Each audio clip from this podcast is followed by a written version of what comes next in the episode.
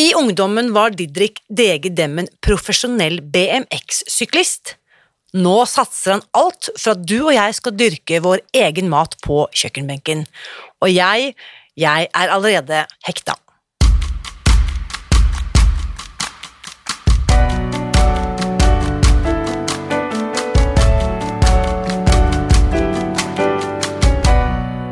Mitt navn er Irina Lie. Jeg er journalist og forlegger, gründer og sosial entreprenør. I 2015 spiste jeg meg fri fra overvekt og fedme etter å ha slitt med vekt, kropp og følelser i nesten 30 år. Etter at jeg knakk koden, ga jeg meg selv et nytt oppdrag – å dele denne kunnskapen med alle som trenger det. I denne podkasten kan du derfor høre hele lydboken Spis deg fri. Den finner du ved å bla deg tilbake i arkivet og lytte til første sesong. Hver uke inviterer jeg nå gjester som gir deg påfyll til hodet, hjertet og magen. For min visjon er å endre Helse-Norge, og det får jeg ikke til alene. Du bidrar ved å abonnere på podkasten, skrive en omtale i iTunes og tipse meg om hvem jeg burde invitere hit. Da setter vi i gang med ukens episode. Innimellom så oppdager jeg produkter eller tjenester som jeg bare blir helt hekta på, og som jeg bare må fortelle om til alle jeg kjenner. Den helautomatiske plantekassen Auk er en sånn oppfinnelse.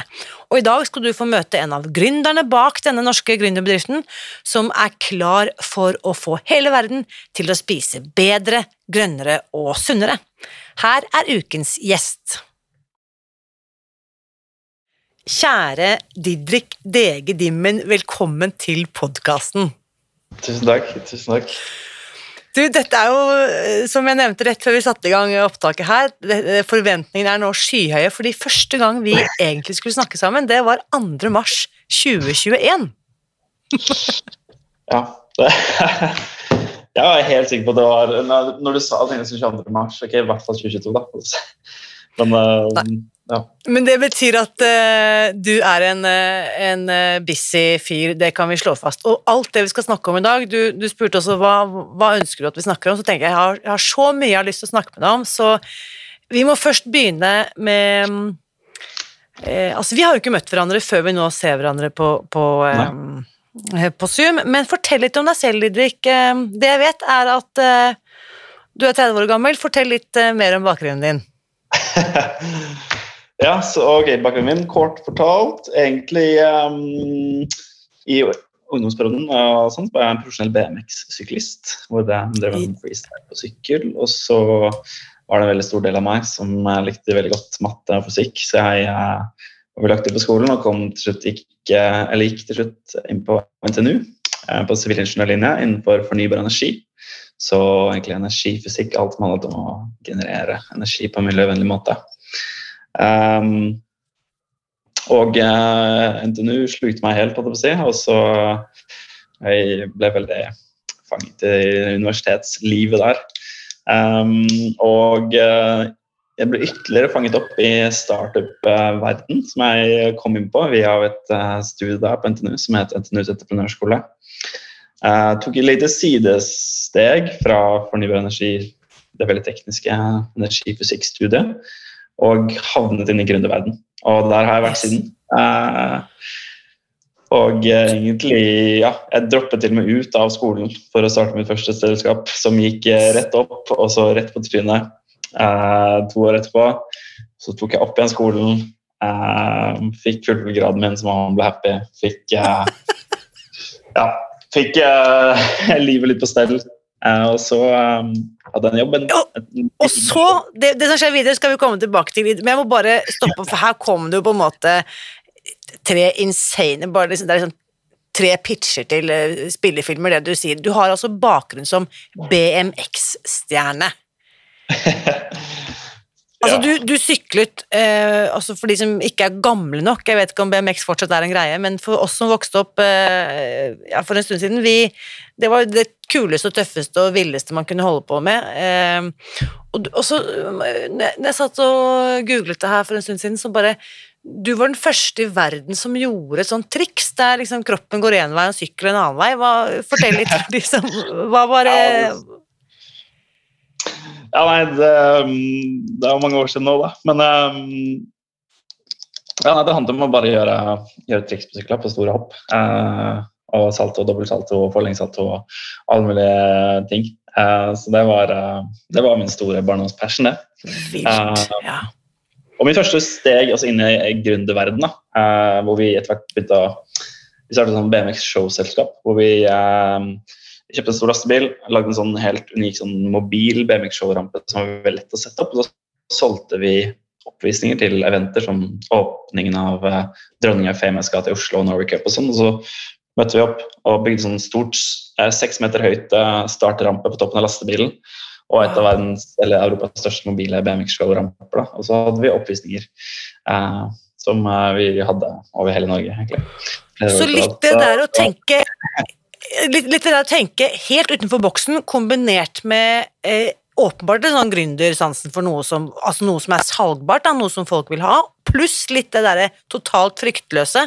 Det høres ut som en sånn slags rød tråd her. Altså mange sier, ja, Det er totalt fryktløst, men samtidig er det noe du Det ser veldig sånn skummelt ut når du ser på det. og tenker så, Hvordan kan de våge disse halsbrekkende stuntsene? Men så er det når du kan det. Når du, når du, du kan de triksene, og du, du, på en måte, du føler deg komfortabel, selv om det ikke selv om det ser helt livsfarlig ut. Da, så føler man seg komfortabel.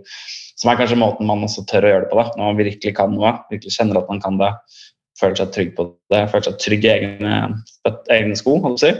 Um, så tør man, i hvert fall har det vært min oppskrift til å tørre å Ja. ta stegene videre. Uh, Og, og apropos det vi også skal snakke om videre dette i forhold til det du nevnte også, ikke sant, eh, med gründerlivet, at man lærer jo kanskje ganske mye av å tryne òg. At uh, de feilene man gjør, er kanskje den viktigste lærdommen man tar med seg i enkelte sammenhenger. Ja, altså nå er um, det selskapet vi startet på selskapet startet på Internett, som, sted, som gikk veldig bra da- det var tidenes største mageplass. Vi gikk fra å forhåndsselge produkter for 8 millioner kroner til hele verden eh, altfor lenge før vi hadde begynt å lage produktene, og, og gravde oss en skikkelig dyp grop ved å måtte ja, Vi skulle vi masse av et produkt, og så skulle vi eh, lage det. Og det skulle ta seks måneder og koste 120 dollar per produkt, og det tok 16 måneder og kostet 180 per produkt. Og vi gikk så skikkelig på trynet. Eh, og eh, jeg håper i hvert fall at eh, det er mye læring jeg tar med fra det. sånn som du sier. Ja, det eh, og eh, Hva er- dette, selskapet, det- dette selskapet het eh, Flowmotion, stemmer det? Ja, stemmer.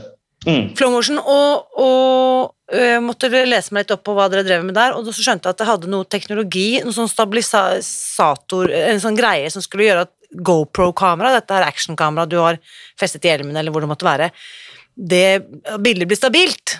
Og det Mm. er jo åpenbart et enormt marked for, da på en måte GoPro var liksom det største og hotteste innen actionsport du kunne ha. Og så forhåndsselger dere Du hørtes ut som du sa åtte, men du sa 80 millioner. Ja. 8-0. 80 millioner, og så er utviklingskostnadene langt, langt høyere, slik at dere går konk. Mm. Um, Eh, Ventetiden er lenger, så kunder ber om tilbakebetaling. Markedet flommer over av konkurrenter og utfordrere. Um, og teknologien kommer også inn i telefonene. Så telefonen i dag er, gjør veldig mye av jobben uh, som produktet gjorde på den tiden. Så det var eh, veldig mye motbakke. Um, Men det er selvfølgelig Og- vår, vår feil. Så ja. jo, jo, jo, men, men jeg, jeg har jo, ikke sant, nå har jeg begynt i 2009, så jeg har jo liksom nærmer meg 13-14 års erfaring som gründer selv, ikke sant, så det, jeg synes det er så fantastisk da å invitere deg og andre som også utvikler, for det vi skal snakke om, eh, det dere har vært med på å oppstarte, starte opp nå de seneste årene, det er jo noe helt annet enn GoPro-teknologi. Så ja. Um, men så, jeg syns det er viktig å skape en forståelse hos de som hører på at de fantastiske produktene vi omgir oss med, det er det noen som har lagt ned liksom blod, svette og tårer for å få til, ikke sant?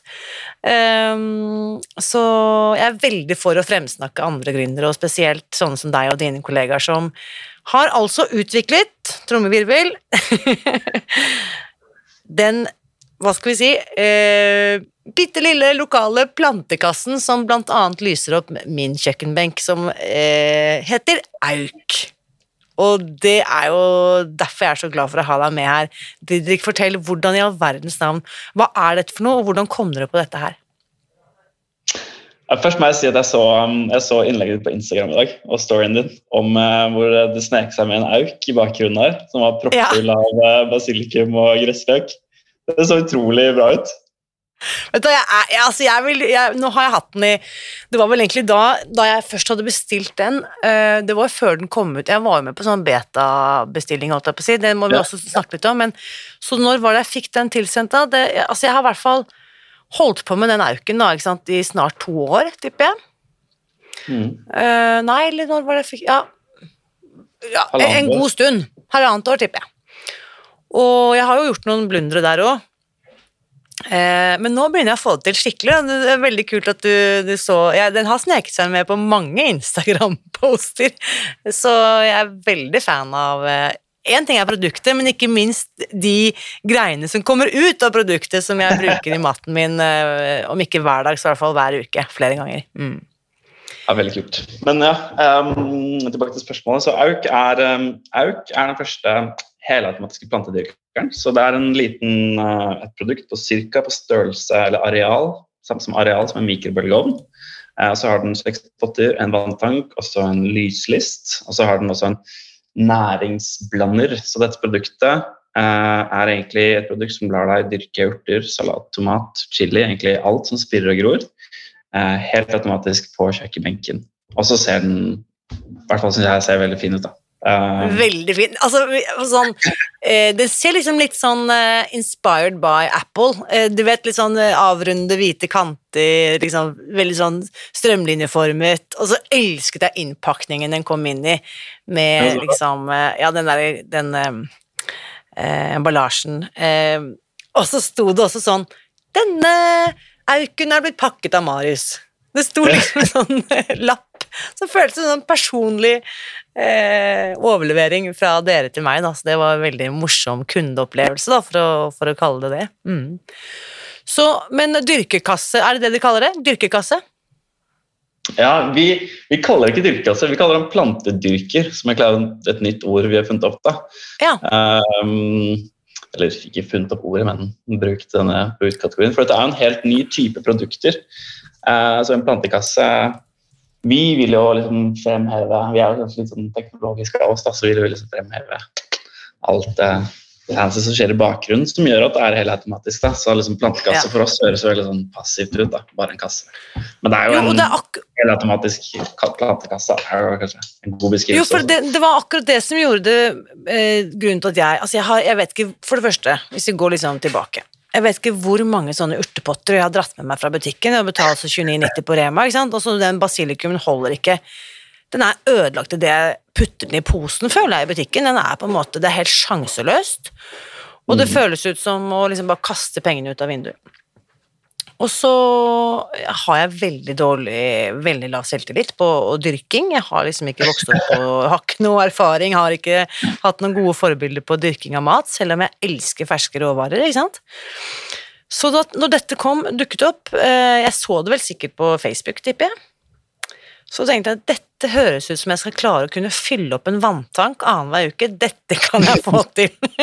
det hørtes liksom lavterskel nok ut, da, for at selv liksom en mm. person totalt blottet for grønne fingre skal kunne lykkes med dyrking på kjøkkenet. Så, Men du sådde, ja. du sådde jo frøene også, så du, må ha gjort, du har gjort en liten innsats også? Absolutt, og det var også sånn eh, du vet når instruksjonsboken er så avansert at du føler at du må ha en mastergrad for å lykkes. Det her var det motsatte. Det var sånn Sånn. Putt de med så og så mange centimeters mellomrom i hele denne lille kassen, så skal du få plass til 40 frø. Og så tenkte jeg dette skal jeg klare. Dette går bra. Um, og det har gått bra. Um, Og så vet jeg jo ikke hvor mye du er liksom inne i kundebehandling på hver og en, men jeg hadde trøbbel med, med, med Auken her eh, tidligere i år. Så sendte jeg en mail til kundeservice, og da fikk jeg beskjed om å bare sende inn den bunnplaten dem, og så sender vi deg en ny en, for det er ehm, fantastisk kundeservice. Igjen veldig, veldig bra. Ja, det er bra. Det er, eh, vi, passer, eh, vi prøver å passe veldig godt på kundene våre. Så det er, eh, det er viktig for oss. Men Så- Det ligger jo også noe sånt helseaspekt her, for det er jo ikke tilfeldig at dere nå på en måte jobber med med mat, urter, planter, ikke sant, eh, krydder. Fortell litt om eh, den siden av businessen. Så det er, mange, det er mange aspekter her. Da. Så det som, er, um, det som er veldig viktig for oss, var at vi altså, Vi lever i en verden nå hvor vi har liksom eh, Egentlig all maten vi kjøper, er overprosessert og kommer fra ukjente eh, land og fabrikker. Eh, så vi ville ta eh, en del av det sånn tilbake.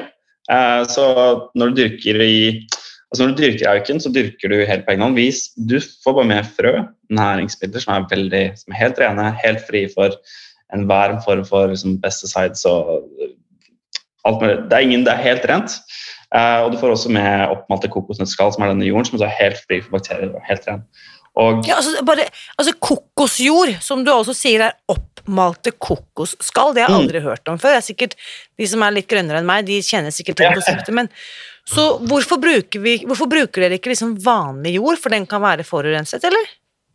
Så, vi, vi bruker, så det som er veldig bra med kokosnøttskall, er at den er veldig luftig, den er veldig porøs. Mye lufttomrom inni der. Eh, og det gir masse luft til røttene. Eh, og da røtt, plantene trenger, trenger lys, eh, og så trenger de næring, og så trenger de vann, og så trenger de oksygen for å vokse. Det er liksom det som går inn i fotosyntesen, som gjør at planten liksom, cellene reformerer seg og vokser. Eh, og jo mer oksygen, jo eh, på en måte raskere vokser det. Så i denne coco coiren, som er, det heter på engelsk, eh, som er oppmalte kokosnøttskall, rester fra kokosnøttproduksjon, så altså liksom miljøvennlig. Um, det er et veldig bra medium som plantene kan trives veldig godt av. Så kan de legge røttene sine rundt inni denne kokosjorden uh, og få masse oksygen og vokse raskt. Da. Og den er også uh, helt fri for uh, bakterier og den er helt sterilisert, egentlig. Um, eller er på en måte vasket av det kokosnøttproduksjonen og er veldig ren. Så det er ikke noe, da slipper vi ikke med noe basillusker ut til kundene. Nettopp. Eh, Mm. og det som jeg også har opplevd med andre sånne plantegreier jeg prøver å dra med hjem fra butikken, det plutselig får liksom med meg 22 sånne fluer med på kjøpet. Ja, Men her, ikke sant? Denne er fluefri. Her er det Det er fluefri.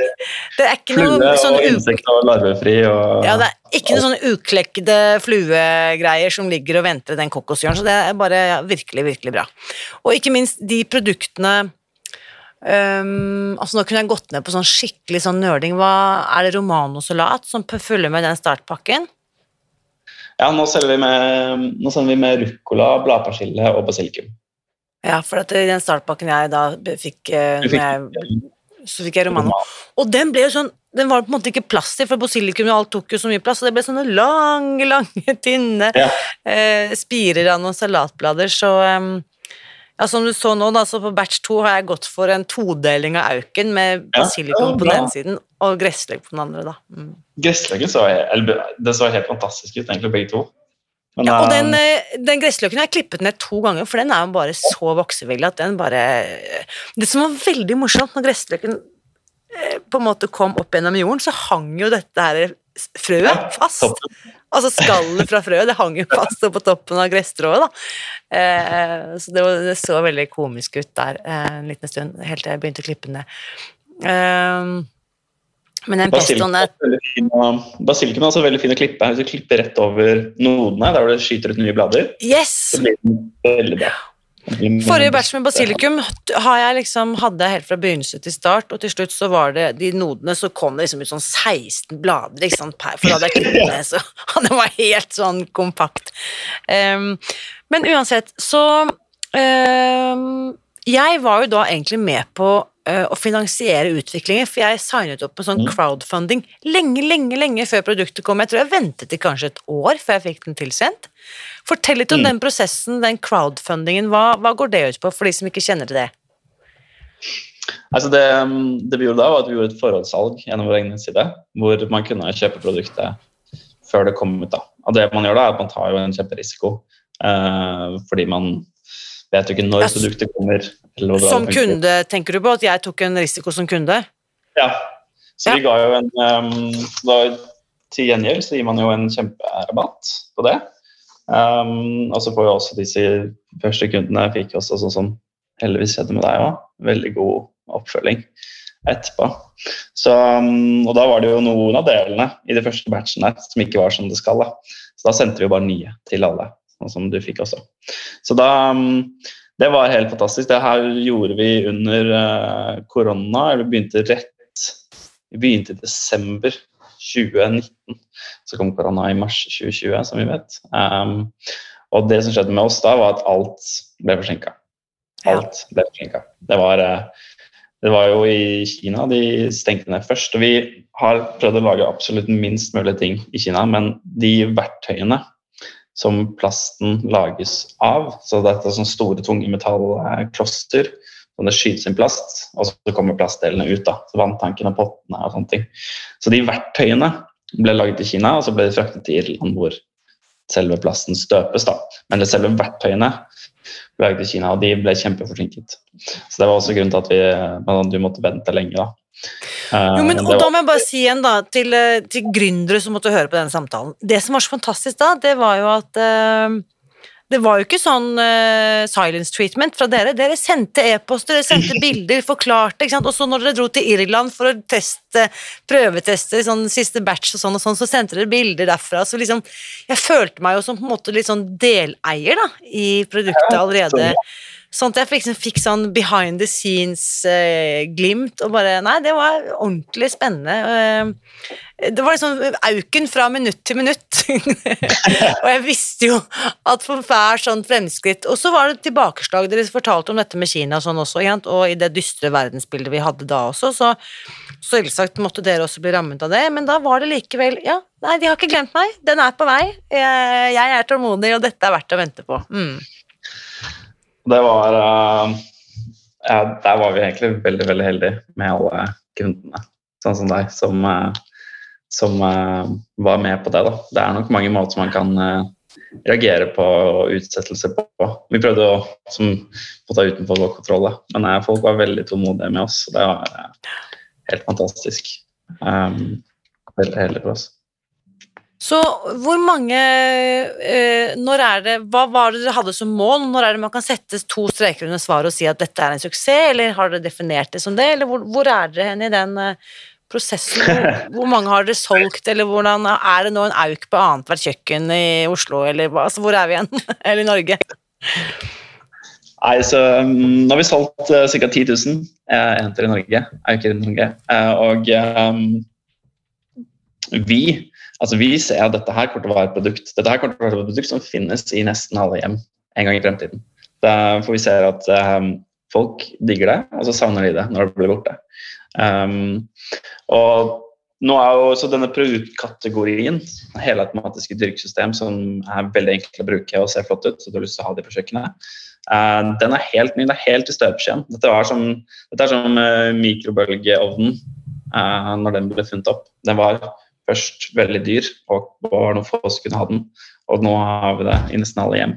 Dette er en mikrobølgeovnhistorie, tror jeg, med dette produktet her. Fordi vi ser at altså, det er så mye eh, som gir mening med dette her. Det er, det er, eh, du kan dyrke dine egne urter og alt mulig rart, og det smaker, det smaker mye bedre enn butikken. Vanvittig mye bedre. Mm. Det smaker helt utrolig. Og så er det ikke minst den gleden ved altså, du kan si sånn, mange, mange kommer til å si sånn, ja, jeg kan kjøpe så mange butikker på butikken, og da har vi fått godt svar på det at du tjener nesten, nesten en hel auken i løpet av et år.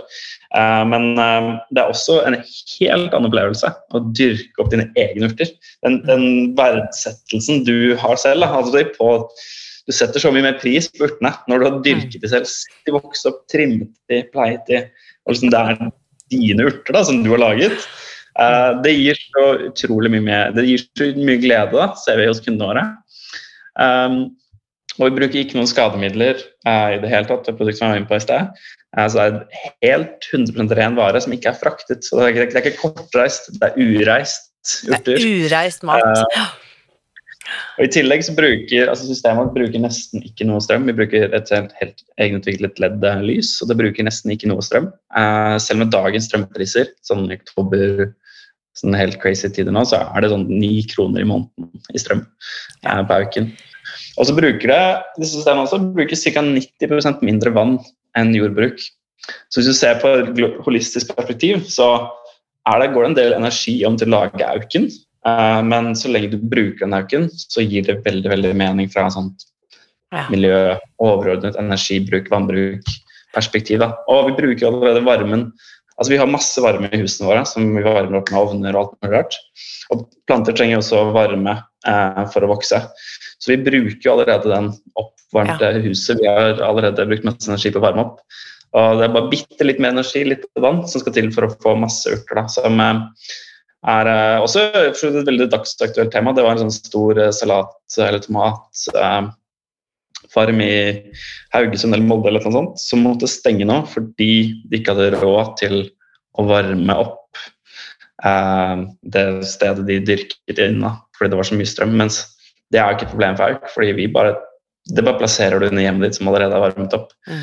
Sånn, så det, gir det, det, gir så mye mening, dette produktet. Um, og det er kjempebillig drift. Og det er, eh, ja, det er eh, og det, det, det, legger jo grunnlaget til at dette her kommer til å bli utbredt. Så kommer det til å ta tid, og vi må finne den riktige formfaktoren, riktig størrelse på produktet, prisklasse osv. Og, nå har vi et kjempebra utgangspunkt med dette produktet her. Mm. Uh, og så ser vi også selvfølgelig alt vi har lyst til å forbedre. så vi har jo vi kommer ikke til å kalle det en suksess før vi møtes gjennom fem år og dette forhåpentligvis er allmenn allment mm. utbredt i hele Norge. Akkurat som alle Oi. hjem har en, alle hjem har en brødrister eller et vaffeljern, og alle hjem da har også på, på samme måte en auk. da. Mm. Ja, og tenk, tenk, på alle leiligheter i byen som, hvor det har En ting er at du har et stort hus og hage, da har du mulighet til å dyrke. og så er jo ikke eneste måten du kan dyrke på på vinteren, med mindre du har et oppvarmet drivhus. Men alle leiligheter eh, Vi bor jo bare mer og mer i byer. Mindre og mindre leiligheter. Der er det ikke noe hage. Um, så dette er liksom Ja, det er veldig mye sånn trender i retning av Auk. Yes. Det er det. Og så må jeg bare si, for jeg, da, jeg, da, jeg, bestilte Auken, det var kanskje Jeg tror ikke det var desember 2019, jeg var ikke så forut, men det var i hvert fall en eller annen gang i 2020, da.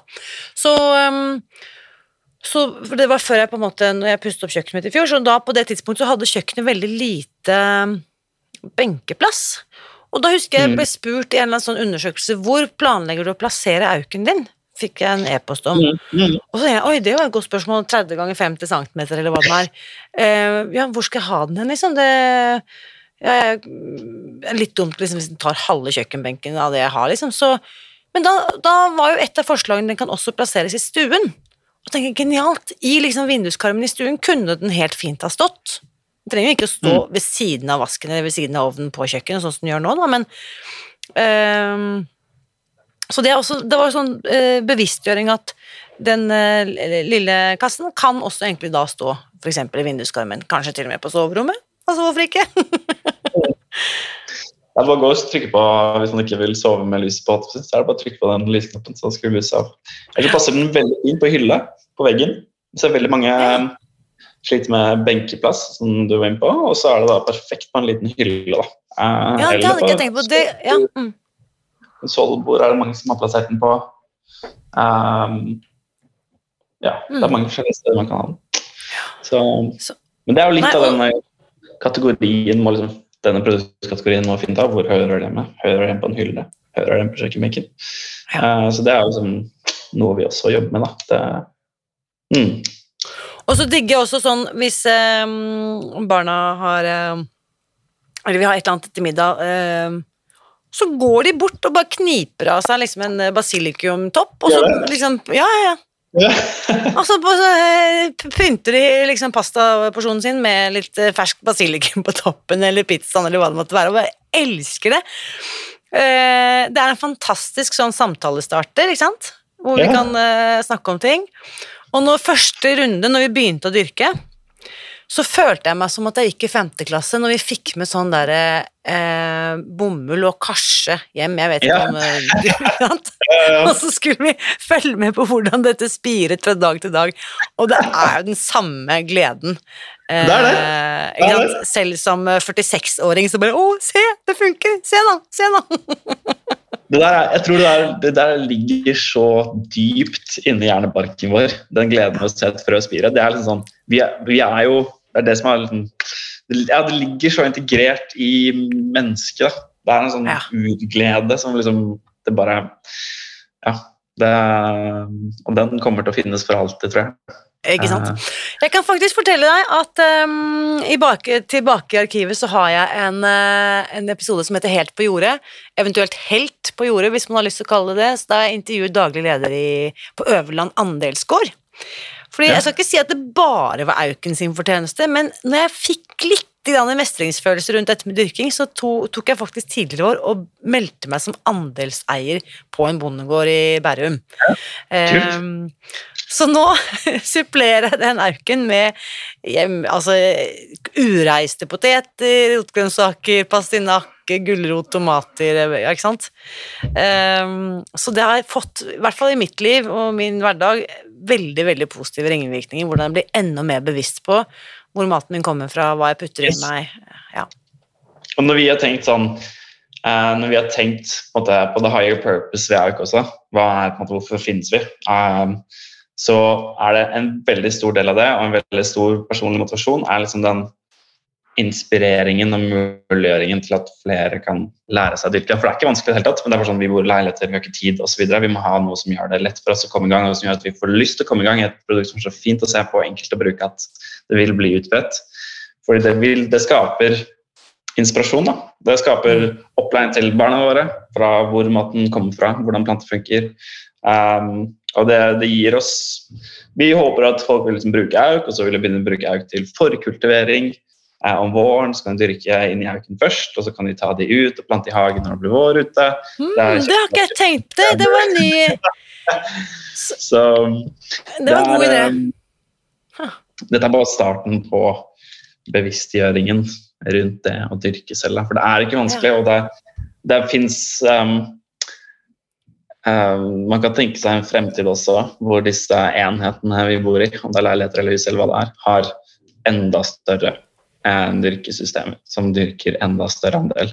Men jeg skulle til å si det, kunne man fått den større, liksom? Det, det er jo ikke noe Altså ikke Jeg, jeg, tenker eh, institusjoner eller barnehager eller skoler hvor man kan, kanskje kunne fått den liksom eh, halvannen meter lang og 30 cm Altså en mer sånn avlang Skjønner jeg mener? Noe sånn et annet format. Det hadde jo ikke vært noe veien for at man kunne ha dyrket veldig mye mer. Er, da er det inne noe veldig spennende, fordi alle vi snakker med, alle kunder før kjøp, eller folk som ikke har kjøpt den ennå, de vil ha mindre. Og alle kunder etter at de har kjøpt den, vil ha større. det er sånn det er sånn motstridende beskjeder der som vi må deale med. Men eh, så, nå er du inne på noe veldig spennende. Ikke sant? Uh, det som er bra med den formfaktoren vi har nå, er at den lar seg enkelt produsere og selge som en enhet. Vi kan klare å selge den selv gjennom egen etikk. og liksom um, den lar seg produsere. Men skal vi lage større systemer som er integrert, må vi, det blir en litt annen prosess, da, eh, som Ja. kanskje mm, som er veldig spennende å se på, som vi også vurderer. Men det er, det er, ja, det er eh, en interessant det er på en måte kommentar til den, det er en interessant fremtid for disse systemene. og Jeg tror vi er inne på noe som bare er så vidt i gang. Ja. Jeg må bare spørre, for jeg er veldig sånn eh, nysgjerrig på Nå tenker kanskje folk sånn Hvorfor har jeg kjøpt dette? Er det på Elkjøp? Jeg har ikke sett den liksom på Jernia. Hvor, hvor er disse greiene hen? Er det sånn at dere bare selger på nett, eh, Didrik? Så per nå selger vi bare på nettet. Så vi har alle vi, vi har solgt, har vært gjennom vår egen nettbutikk. Eh, Ja, Auk.dk, og- da får vi bemålordren, så pakker vi den, og så sender vi den Ja. eh, så fort som mulig. Auk.eko. Mm. Ja, det er bare å søke på Øh, Auk. Yes. Og da er det mm, Jeg har skjønt det sånn at dere har tenkt tanker om å gå global òg, eller? Ja er, eh, nå er vi foreløpig i Norge, og så er det veldig, veldig mye interesse fra mange land verden Ja. Så det er, vi har eh, definitivt store ambisjoner eh, globalt. Men eh, Fantastisk. Ja. For det er ikke bare i, i Norge vi trenger ureist mat.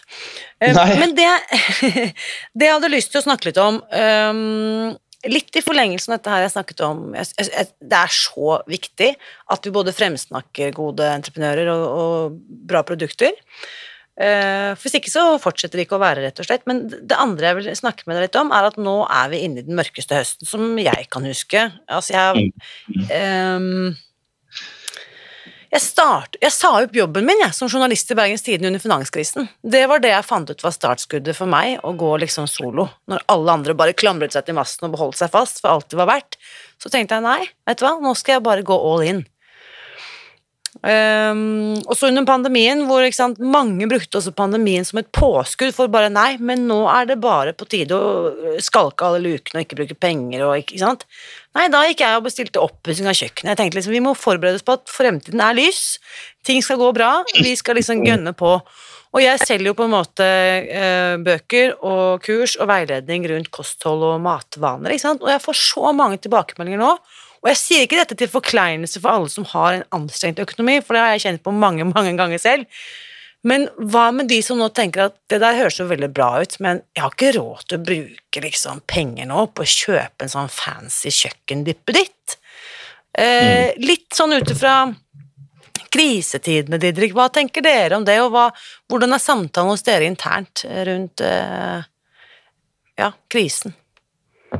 Ja. ja, det er altså vi er, nå går vi inn i den eh, vi har gått, vi er, vi er, Selskapet nå har vært gjennom en ekstremt turbulent periode. fordi vi hadde jo kjempeboost eh, siste årene og var eh, vekst, vekst, vekst på alle fronter.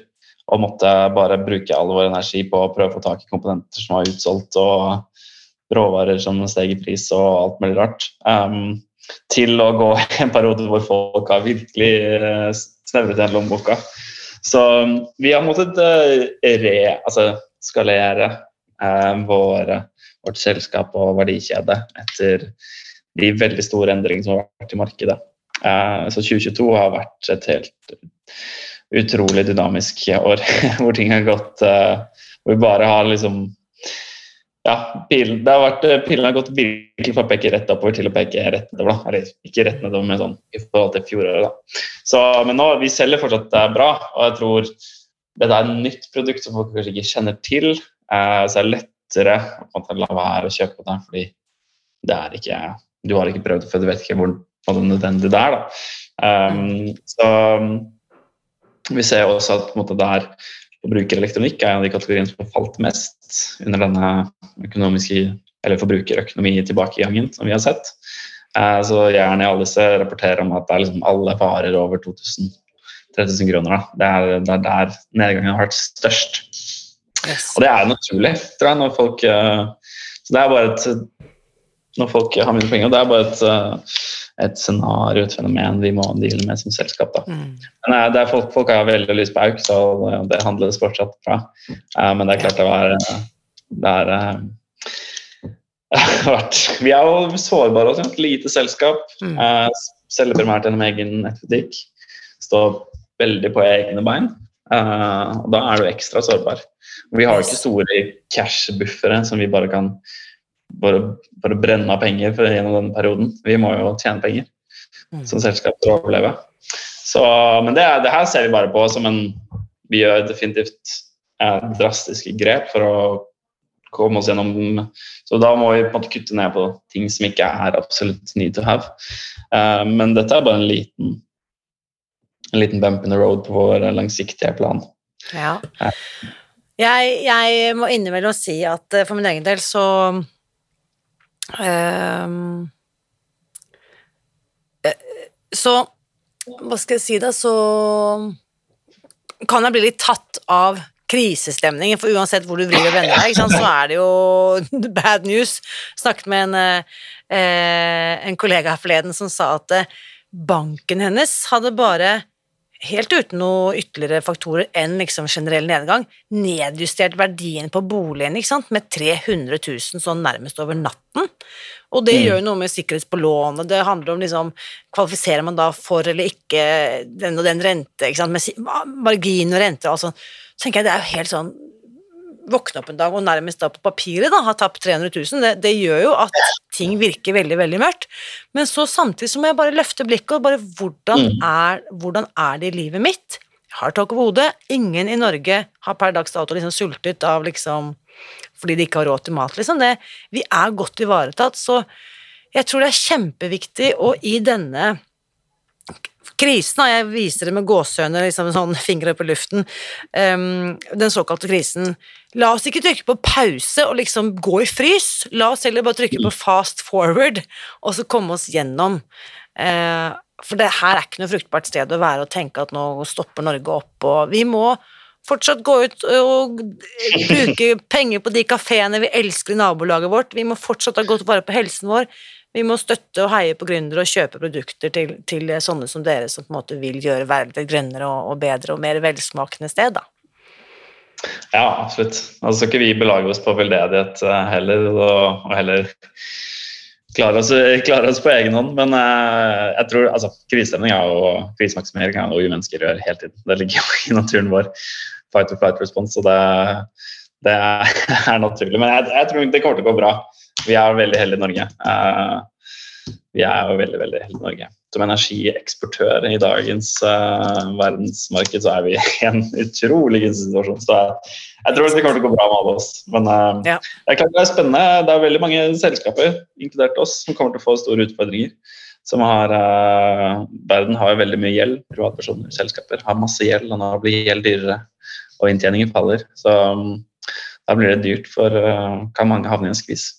Mm. Så det blir uh, Vi får håpe dette makrosituasjonen løser seg. Men um, Ja. jeg tenker også sånn Jeg kan jeg som er sånn, litt sånn ikke skadefri dame, men sånn, jeg tenker at uh, nå er det en veldig tøff periode for meg og alle andre. Og det er en utrolig bra mulighet til å lære. Vi skal, jeg skal nok bygge selskapet resten av livet, og det kommer til å være mange kriser, eh, sånn som det har vært i historien. Og det er like så greit å bare være med en med en gang.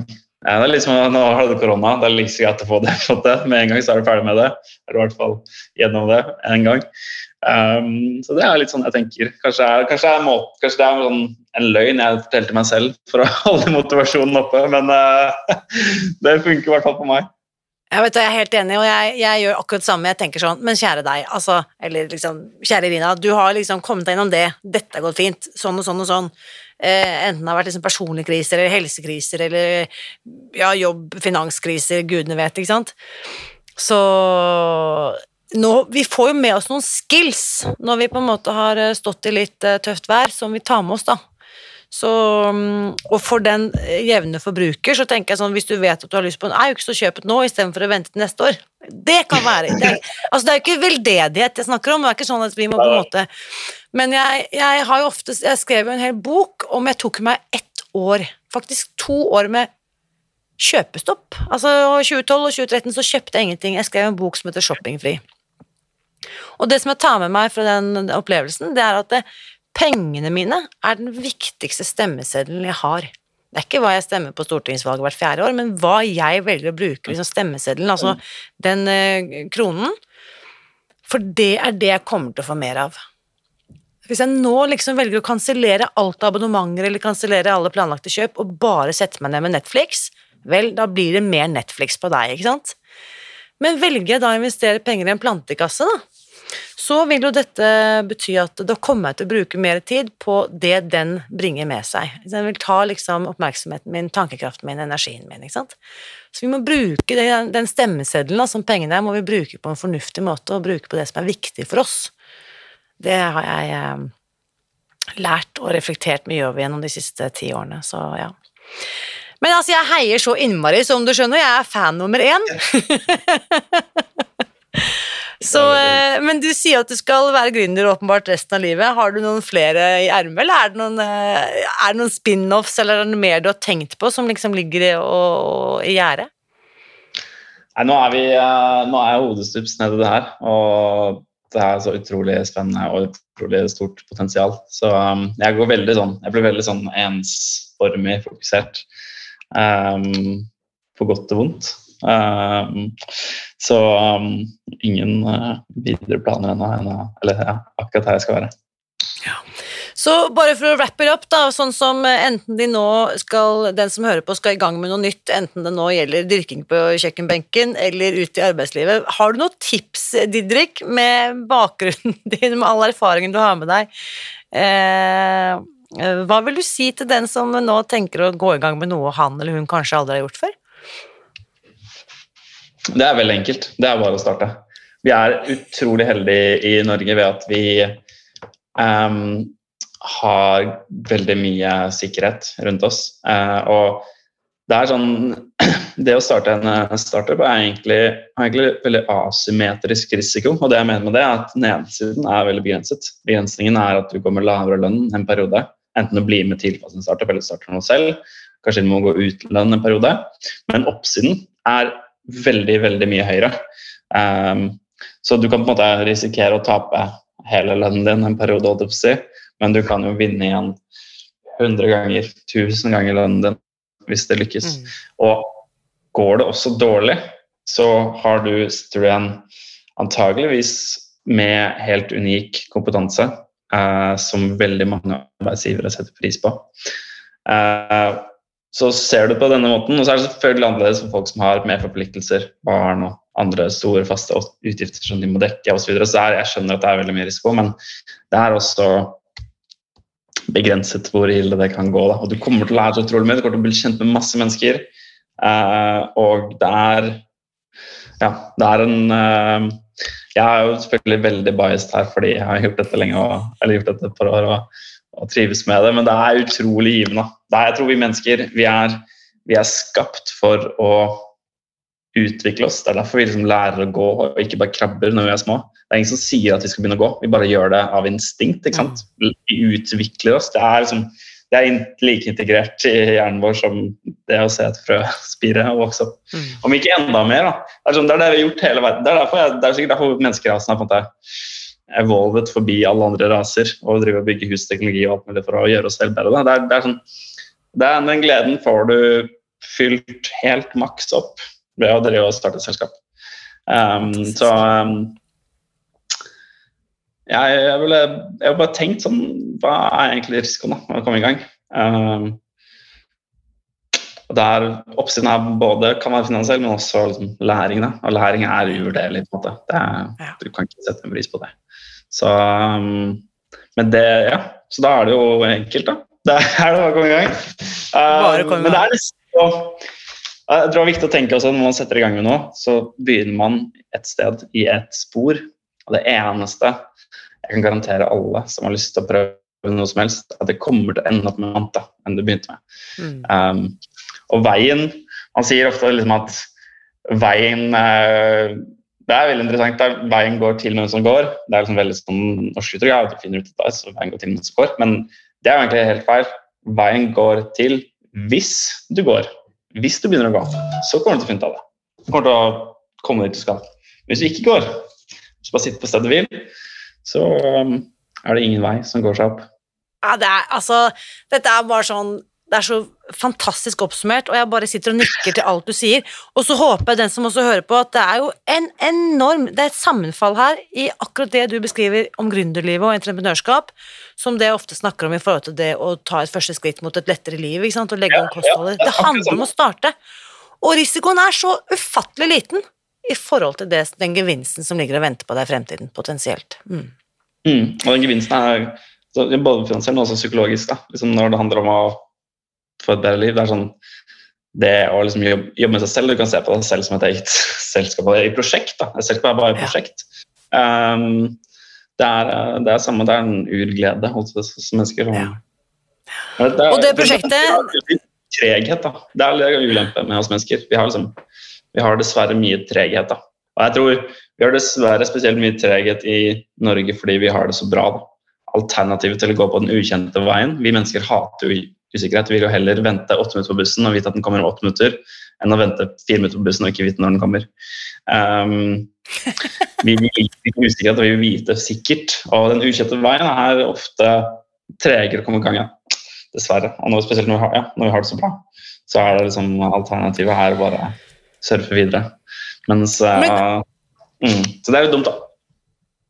Men det er desto bedre da, for de som tar denne invitasjonen og bare setter i gang. Det er jo Ja, gled dere. Så da har jeg notert meg her, Didrik. Da har vi en ny avtale i eh, 2027, hvor vi da alle auker har rykket inn på alle norske og kjøkken over hele verden, faktisk. Men jeg må bare si for i dag, tusen, tusen takk for at du deler og inspirerer og forteller. Eh, Det har vært eh, kjempegøy at jeg endelig får treffe deg. Takk det samme. Det har vært eh, Ja. Nei, tusen takk for invitasjonen. Det har vært veldig gøy. Nå lurer jeg på, hva tenker du etter å ha hørt min samtale med Didrik i dag? Og kunne du tenke deg å kaste deg uti og starte med noe helt nytt, enten det er snakk om å ta tak i helsen din eller bygge din egen eh, business? Bli med over i den åpne Facebook-gruppen Spis deg fri, og del dine tanker etter å ha hørt denne samtalen. Og apropos business, krisetider og det å starte for seg selv. Nå er det snart 14 år siden jeg sa opp min faste jobb i Bergens Tidende og ble frilanser. I løpet av disse årene så har jeg vært så heldig å bli invitert til å holde foredrag og kurs for andre, enten de drømmer om å bli frilansere, gründere eller sosiale entreprenører. For jeg har gjort meg noen erfaringer gjennom disse årene siden 2009, og det kan vi trygt si, men ikke minst, jeg fortsetter å lære og studere mer hver eneste dag og hvert eneste år. Og jeg vil si at den viktigste læremesteren eller mentoren jeg har hatt de siste årene, det er uten tvil Jeff Walker. Jeg tror ikke jeg overdriver når jeg sier at han er en av de personene som har betydd mest for uh, uh, online-businesser, ikke bare her lokalt hos meg, men faktisk i hele verden gjennom det siste tiåret. Dette er en mann som i USA refereres til som en guru. og akkurat nå arrangerer altså Jeff Walker en gratis masterclass, eller mesterklasse, hvor han viser deg hvordan du kan bygge din egen online-business og selge dine varer og tjenester og din kunnskap på nett. Du kan melde deg på ved å gå til spisdegfri.no jeff, det er altså J-E-F-F, og denne masterklassen har allerede startet, så du må skynde deg nå og klikke deg inn på linken og melde deg på umiddelbart, så du får tilgang på det fantastiske materialet som i en begrenset periode er tilgjengelig. Og det gjør du ved å gå til spisdegfri.no jeff.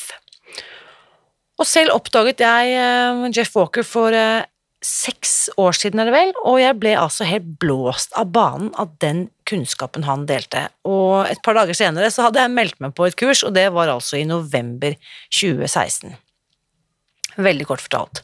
Hadde det ikke vært for denne mannen, så hadde ikke du hørt meg snakke om det jeg gjør nå, for jeg ville aldri ha klart å starte selskapet Spis deg fri, eller gjøre noe av det jeg gjør i dag, uten den kunnskapen han har delt med meg. Så avgjørende vil jeg si at uh, Jeff Walker har vært for at jeg skulle tørre å bli online-gründer. Og de siste årene så har jeg vært en av hans såkalte affiliate partners. Det betyr at jeg kan få en belønning av ham hvis du melder deg på et kurs etter å ha deltatt på hans uh, masterclass. Og du finner altså denne klassen ved å gå til spisdegfri.no jeff.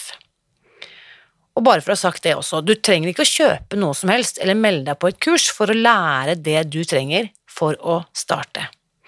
Det du nemlig kommer til å oppdage på denne masterklassen, eller mesterklassen, som altså er helt gratis, er at det finnes en oppskrift, og den gir han deg tilgang på. Det finnes en formula, eller kall det en fasit, på hva du kan gjøre for å bygge din online-business ett skritt om gangen. Og um, du lærer så vanvittig mye ved å delta på denne workshopen, som du registrerer deg til helt gratis ved å gå til spisdegfri.no jeff. Og så la meg også legge til selv om vi er inne i en krevende tid, med mange utfordringer på flere fronter, både økonomiske og andre, så vit også at denne krisen, for å kalle det det, det kan kanskje være akkurat det du har ventet på, selv om du ikke har ønsket det eller forventet det. Fordi kanskje er denne mørke høsten, høsten 2022, det ideelle tidspunktet for å gi deg selv en ny start. Hvis du er klar for å bytte jobb eller legge grunnlaget for en karriere der du kan være din egen sjef, Eller kanskje allerede er gründer og innser at du er nødt til å komme i gang med en nettbutikk eller nettsalg for å nå ut til de kundene du ønsker deg, så vil jeg på det varmeste oppmuntre deg til å gi deg selv påfyll kontinuerlig med mer kunnskap og fornyet inspirasjon. For det trenger ikke engang å koste noe. Som eh, Didrik og jeg snakket om i dag, det viktigste er å starte. Nedsiden er minimal, mens den potensielle gevinsten er så mange ganger større. Og uansett hva slags kunnskap du fyller på med denne høsten, så vit at jeg heier på deg. Alltid.